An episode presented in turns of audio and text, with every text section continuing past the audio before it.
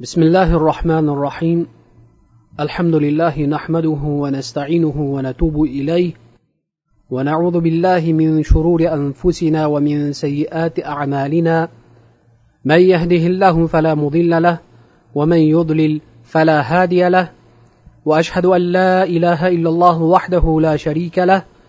وأشهد أن محمدا عبده ورسوله صلى الله عليه وعلى آله وأصحابه ومن تبعهم باحسان وسلم تسليما اما بعد assalomu alaykum va rahmatullohi va barakatuh hurmatli mo'min birodarlar bu shamoili muhammadiya kitobidan bo'layotgan darslarimizdan yigirma to'qqizinchi halqa bo'lib bu darsda avvalgi suhbatimizda o'tgan payg'ambar sollallohu alayhi vasallamning xulqlarining davomini nihoyasiga yetkazamiz inshaalloh قال حدثنا محمد بن بشار قال حدثنا محمد بن جعفر قال حدثنا شعبة عن إسحاق عن أبي عبد الله الجدلي واسمه عبد بن عبد عن عائشة أنها قالت لم يكن رسول الله صلى الله عليه وسلم فاحشا ولا متفحشا ولا صخابا في الأسواق ولا يجزي بالسيئة السيئة ولكن يعفو ويصفح. oysha roziyallohu anhodan rivoyat qilinadi aytadilarki rasululloh sollallohu alayhi vasallam yomon so'zu amallardan juda uzoq edilar bozorlarda ovoz ko'tarib shovqin qilishdan ham yiroq edilar yomonlikka yomonlik bilan javob qilmas balki kechirib yuborar edilar قال حدثنا هارون بن إسحاق الهمداني قال حدثنا عبدة عن هشام بن عروة عن أبيه عن عائشة رضي الله عنها قالت ما ضرب رسول الله صلى الله عليه وسلم بيده شيئا قط إلا أن يجاهد في سبيل الله ولا ضرب خادما أو امرأة. عائشة رضي الله عنها دن روايات قرنا دايت دلاركي رسول الله صلى الله عليه وسلم مبارك قلر بلن الله يولدك جهات لردن بوشق ورلرده هيج كمنا na xizmatkorni va na ayol zotini urmagan edilar. Ulamolar mana bu hadisdan kelib chiqib va boshqa rivoyatlarga tayangan holatda aytadilarki farzand tarbiyasida qo'l bilan urish noma'qul. Chunki qo'l bilan urishning alami achchiqroq bo'ladi. Shuning uchun farzand tarbiyalash maqsadida urish uchun xos qamchi yoki tayoqcha tayyorlab uni bolalar ko'radigan joyga osib qo'ygan ma'qul. Toinki bolalar uni ko'rganlarida beodoblikdan qaytsinlar. Mulla ali qori aytadilarki bu hadisda rasululloh sollallohu alayhi vasallam biron kishini ham muborak qo'llari bilan urmagan edilar deyilsada lekin xizmatkor va ayol zotini alohida qayd qilinmoqda. Garchi ular avvalgi umumshomil so'zning ostiga dohil bo'lsalar ham bu qaydning sababi shundaki odatda shu ikki toifa tarbiya maqsadida boshqalarga nisbatan ko'proq kaltaklanadilar odob berish shartlariga rioya qilgan holda ularni urish mumkin bo'lsada lekin bunday uslubni qo'llamagan a'lodir قال حدثنا أحمد بن عبدة الضبي قال حدثنا فضيل بن عياض عن منصور عن الزهري عن عروة عن عائشة قالت ما رأيت رسول الله صلى الله عليه وسلم منتصرا من مظلمة ظلمها قط ما لم ينتهك من محارم الله تعالى شيء. فإذا انتهك من محارم الله تعالى شيء كان من أشدهم في ذلك غضبا. وما خير بين أمرين إلا اختار أيسرهما ما لم يكن مأثما. oysha roziyallohu anhodan rivoyat qilinadi aytadilarki men rasululloh sollallohu alayhi vasallamni biror bir chekkan zulm aziyatlar uchun modomiki bu aziyatlarda alloh taolo harom qilgan narsalardan ya'ni alloh taolo bizlarni qaytargan barcha noma'qul ishlarni qilish va dinimizda muqaddas deb e'tiborga olingan narsalarni behurmat qilish bo'lmas ekan u zot o'zlari uchun hech o'ch olgan emas edilar. Ammo bu narsalardan birontasi oyoq osti qilinadigan bo'lsa u zot bunga hammadan ham ko'p g'azab qilar edilar. Agar u zot ikki ishdan birini tanlaydigan bo'lsalar modomiki bunda ma'siyat bo'lmas ekan ulardan yengilini tanlar edilar. Chunki rasululloh sollallohu alayhi vasallam ummatlari uchun doimo yengillikni xohlar edilar. Mulla ali qoriy ibn hajar rohimaullohdan naql qilib aytadilar bu ixtiyor bir jinoyatga ikki jazo bo'lib u jazoning biri og'ir ikkinchisi yengilroq bo'lgan holatda. Yengilini tanlashliklaridir. Yoki kofirlarga urush qilish yo ulardan jizya olishga xohish berilganda yengilini ixtiyor etar edilar.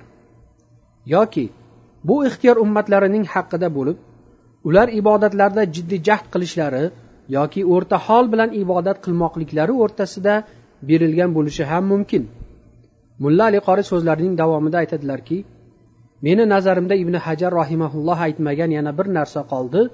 u ham bo'lsa alloh taolo payg'ambar alayhissalom uchun ummatlarga biror narsani harom yoki halol qilishida va sunnat yoki makruh qilishida ixtiyor berishidir قال حدثنا ابن ابي عمر قال حدثنا سفيان عن محمد بن المنكدر عن عروه عن عائشه رضي الله عنها قالت استاذن رجل على رسول الله وانا عنده فقال بئس ابن العشيره او اخو العشيره ثم اذن له فلما دخل الان له القول فلما خرج قلت يا رسول الله قلت ما قلت ثم النت له القول فقال يا عائشه إن من شر الناس من تركه الناس أو ودعه أو ودعه الناس اتقاء فحشه bu hadis ham oysha roziyallohu anhodan rivoyat qilinadi aytadilarki bir kishi rasululloh sollallohu alayhi vasallamning huzurlariga kirish uchun izn so'radi Men o'shanda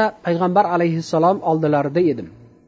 Rasululloh sollallohu alayhi vasallam bu naqadar yomon inson dedilarda so'ng kirishga ruxsat berdilar. Kirgandan keyin esa unga juda muloyim gapirdilar.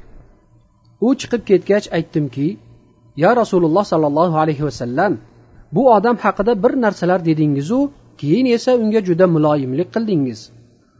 U zot aytdilarki ey oyisha eng yomon kishi odamlar uning yomonligidan saqlanish uchun uni tark qilishgan.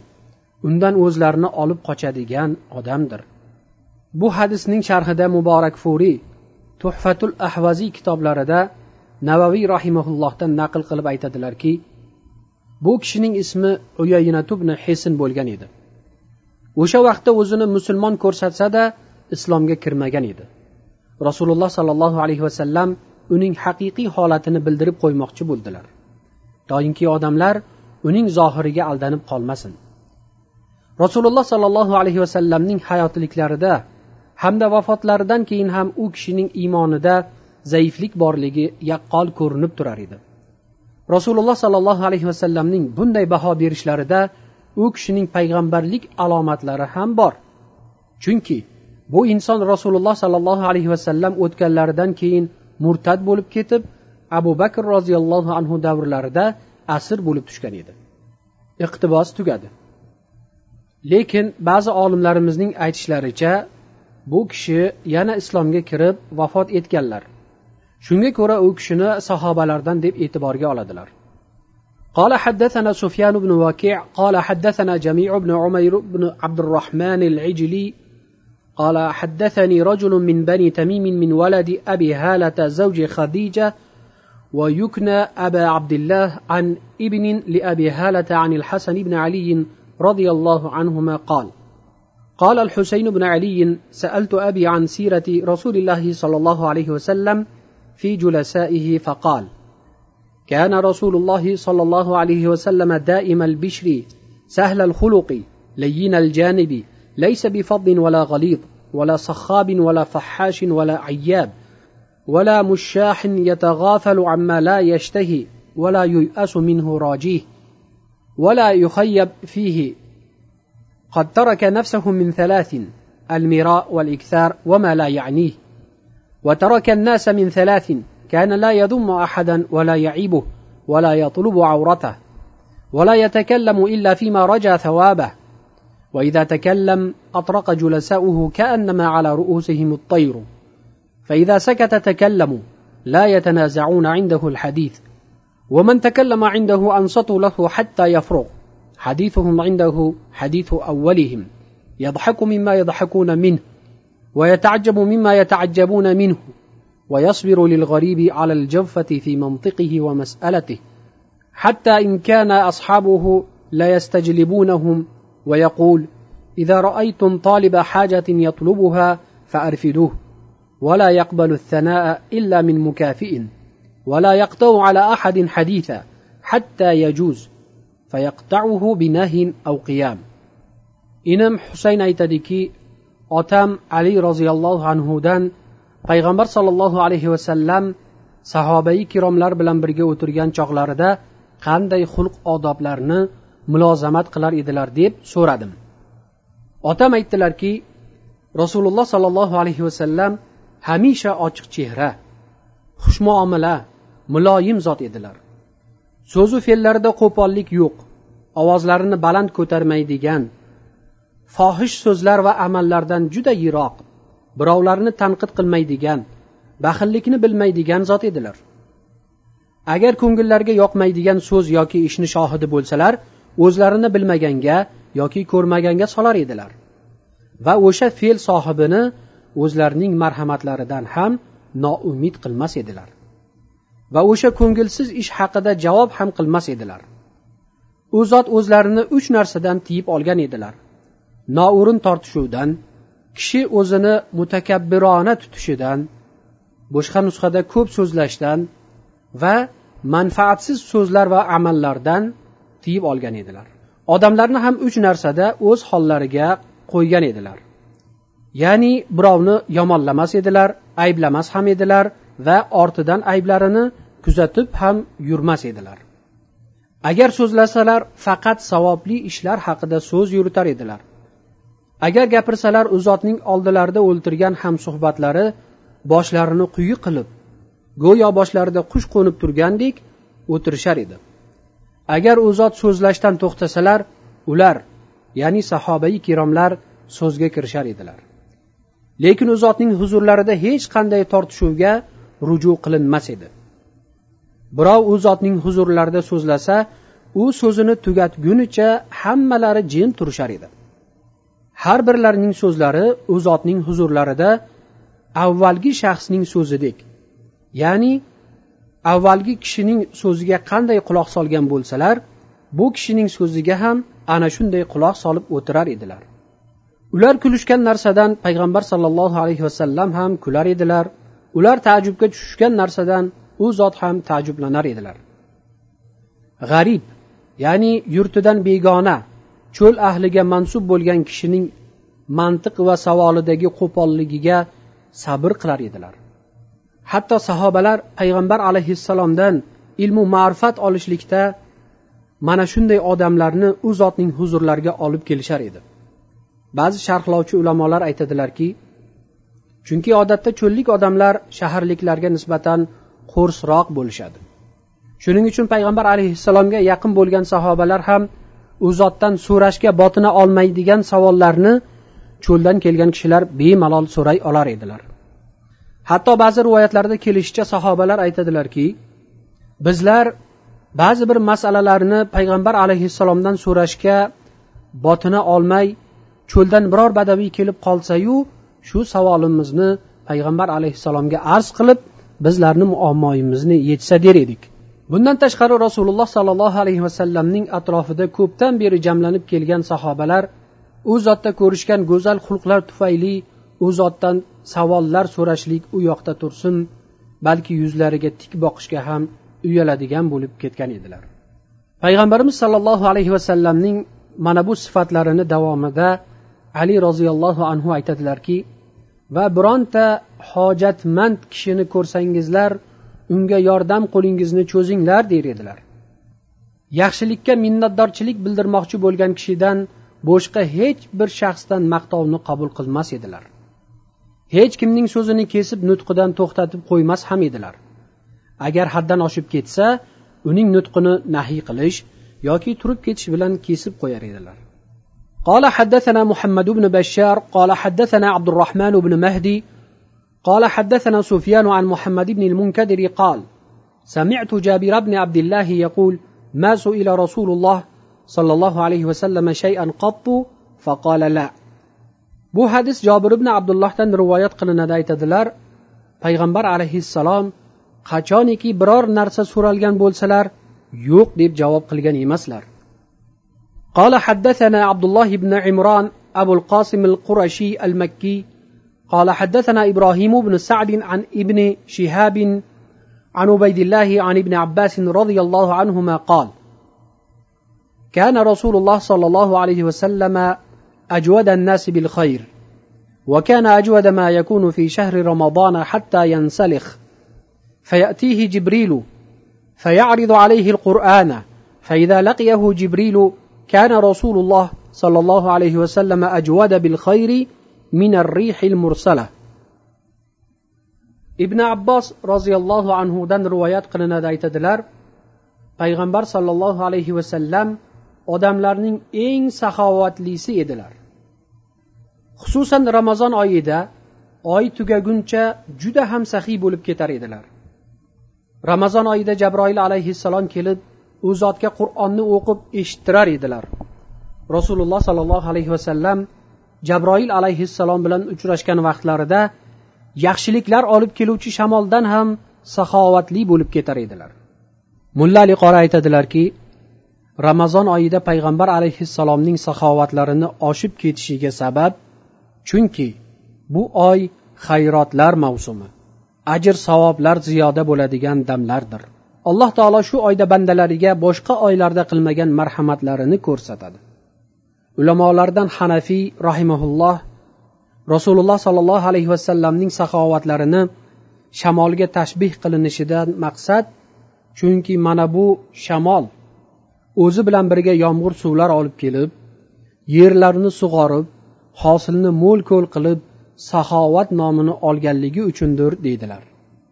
Umuman olganda hadisda payg'ambar alayhissalomning saxovatlari hamma haloyiqning saxovatidan baland ekanligiga va ramazon oyidagi saxovatlar esa boshqa oylardagi saxovatlaridan ham ortib ketishiga so'ng ramazon kechalarida jabroil alayhissalom bilan uchrashib qur'onni dars qilishgan vaqtdagi saxovatlari shu ramazon oyining boshqa kunlaridagi saxovatlaridan ham ziyoda bo'lib ketishiga ishora qilinmoqda deydilar قال حدثنا قتيبة بن سعيد قال حدثنا جعفر بن سليمان عن ثابت عن انس بن مالك رضي الله عنه قال كان النبي لا يدخر شيئا لغد bu hadis anas roziyallohu anhudan rivoyat qilinadi aytadilarki payg'ambar alayhissalom ertangi kun uchun biror narsani asramas edilar. Ba'zi ulamolar aytadilarki bu ham bo'lsa payg'ambar sollallohu alayhi vasallamning robbilariga bo'lgan tayanishliklari va tavakkullarining barkamolligidandir. Goho u zot ahil ayollari uchun bir yillik ozuqani ham g'amlab qo'yar edilar. Chunki ularning iymoniy quvvatlari payg'ambar alayhissalomning iymon quvvatlariga barobar emas. va yana bunday bir yillik ozuqani jamlashlaridan bo'lgan hikmat ham buni ummatlariga sunnat bo'lishini ko'zda tutilishidir قال حدثنا هارون بن موسى ابن أبي علقمة المديني قال حدثني أبي عن هشام بن سعد عن زيد بن أسلم عن أبيه عن عمر بن الخطاب رضي الله عنه أن رجلا جاء إلى رسول الله صلى الله تعالى عليه وسلم فسأله أن يعطيه فقال النبي صلى الله عليه وسلم ما عندي شيء ولكن ابتع علي فإذا جاءني شيء قضيته. فقال عمر يا رسول الله قد أعطيته فما كلفك الله ما لا تقدر عليه. فكره النبي صلى الله عليه وسلم قول عمر. فقال رجل من الأنصار يا رسول الله أنفق ولا تخف من ذي العرش إقلالا. فتبسم رسول الله صلى الله عليه وسلم وعرف في وجهه البشر لقول الأنصاري ثم قال بهذا أمرت umar ibn xattob roziyallohu anhudan rivoyat qilinadi aytadilarki bir kishi rasululloh sollallohu alayhi vasallamning huzurlariga kelib bir hojatini so'radi payg'ambar alayhissalom hozir menda hech narsa yo'q lekin sen ehtiyoj bo'lgan narsani meni nomimga sotib olaver men kengchilik bo'lib qolsa qarzimni o'tarman dedilar. Umar aytdilarki yo rasululloh sollallohu alayhi vasallam siz unga qo'lda borini bergan bo'lsangiz bundan tashqari alloh taolo qudratda bo'lmagan ishga sizni taklif ham qilmaganku. Payg'ambar alayhissalomga umar roziyallohu anhuning bu so'zlari yoqmadi. Shunda ansorlardan bir kishi aytdiki yo rasululloh sollallohu alayhi vasallam nafaqa qilavering. Arshning egasidan ko'nglingiz to'q bo'lsin. Uning mulki hargiz kamaymas rasululloh sollallohu alayhi vasallam bu sahobaning so'zidan xursand bo'lib yuzlari yorishdi va tabassum qildilar. So'ng men mana shu narsaga buyurilganman dedilar. Bu ham u zotning butun bashariyat uchun faqatgina yaxshilikni ravo ko'radigan ekanliklariga va dunyoga zarracha ham hirs qo'ymaganliklariga ravshan dalildir. قال حدثنا علي بن حجر قال حدثنا شريك عن عبد الله بن محمد بن عقيل عن الربيع بنت معوذ ابن عفراء قالت أتيت النبي بقناع من رطب وأجر زغب فأعطاني ملء كفه حليا وذهبا rubay binti muavviz ibn afrodan rivoyat qilinadi aytadilarki men rasululloh sollallohu alayhi vasallamga bir savatda yangi pishgan xurmo va yana bir idishda yangi pishgan mayda tukchalari bor bodring olib keldim u zot menga kaftlari to'la tillo taqinchoq berdilar ozgina meva muqobilida shuncha tillo taqinchoq berishlari albatta u zotning o'ta saxiyliklari va dunyoning qadri ham u zotning e'tiborlarida juda tuban ekanligidan kelib chiqqan bo'lsa kerak قال حدثنا علي بن خشرم وغير واحد قالوا أنبأنا عيسى بن يونس عن هشام بن عروة عن أبيه عن عائشة رضي الله عنها أن النبي كان يقبل الهدية ويثيب عليها oysha roziyallohu anhodan rivoyat qilinadi aytadilarki payg'ambar alayhissalom hadyani qabul qilar edilar va bu hadyaga ortig'i bilan evaz qaytarar edilar alloh taolo bizlarni ham saxovat sardori bashariyat uchun rahmat bo'lgan zotning axloqlariga ergashishimizni nasibi ro'za aylasin. Va sallallohu vasallam ala nabiyina muhammad va ala alihi va sahbihi ajmain. Assalomu alaykum va rahmatullohi va barakatuh.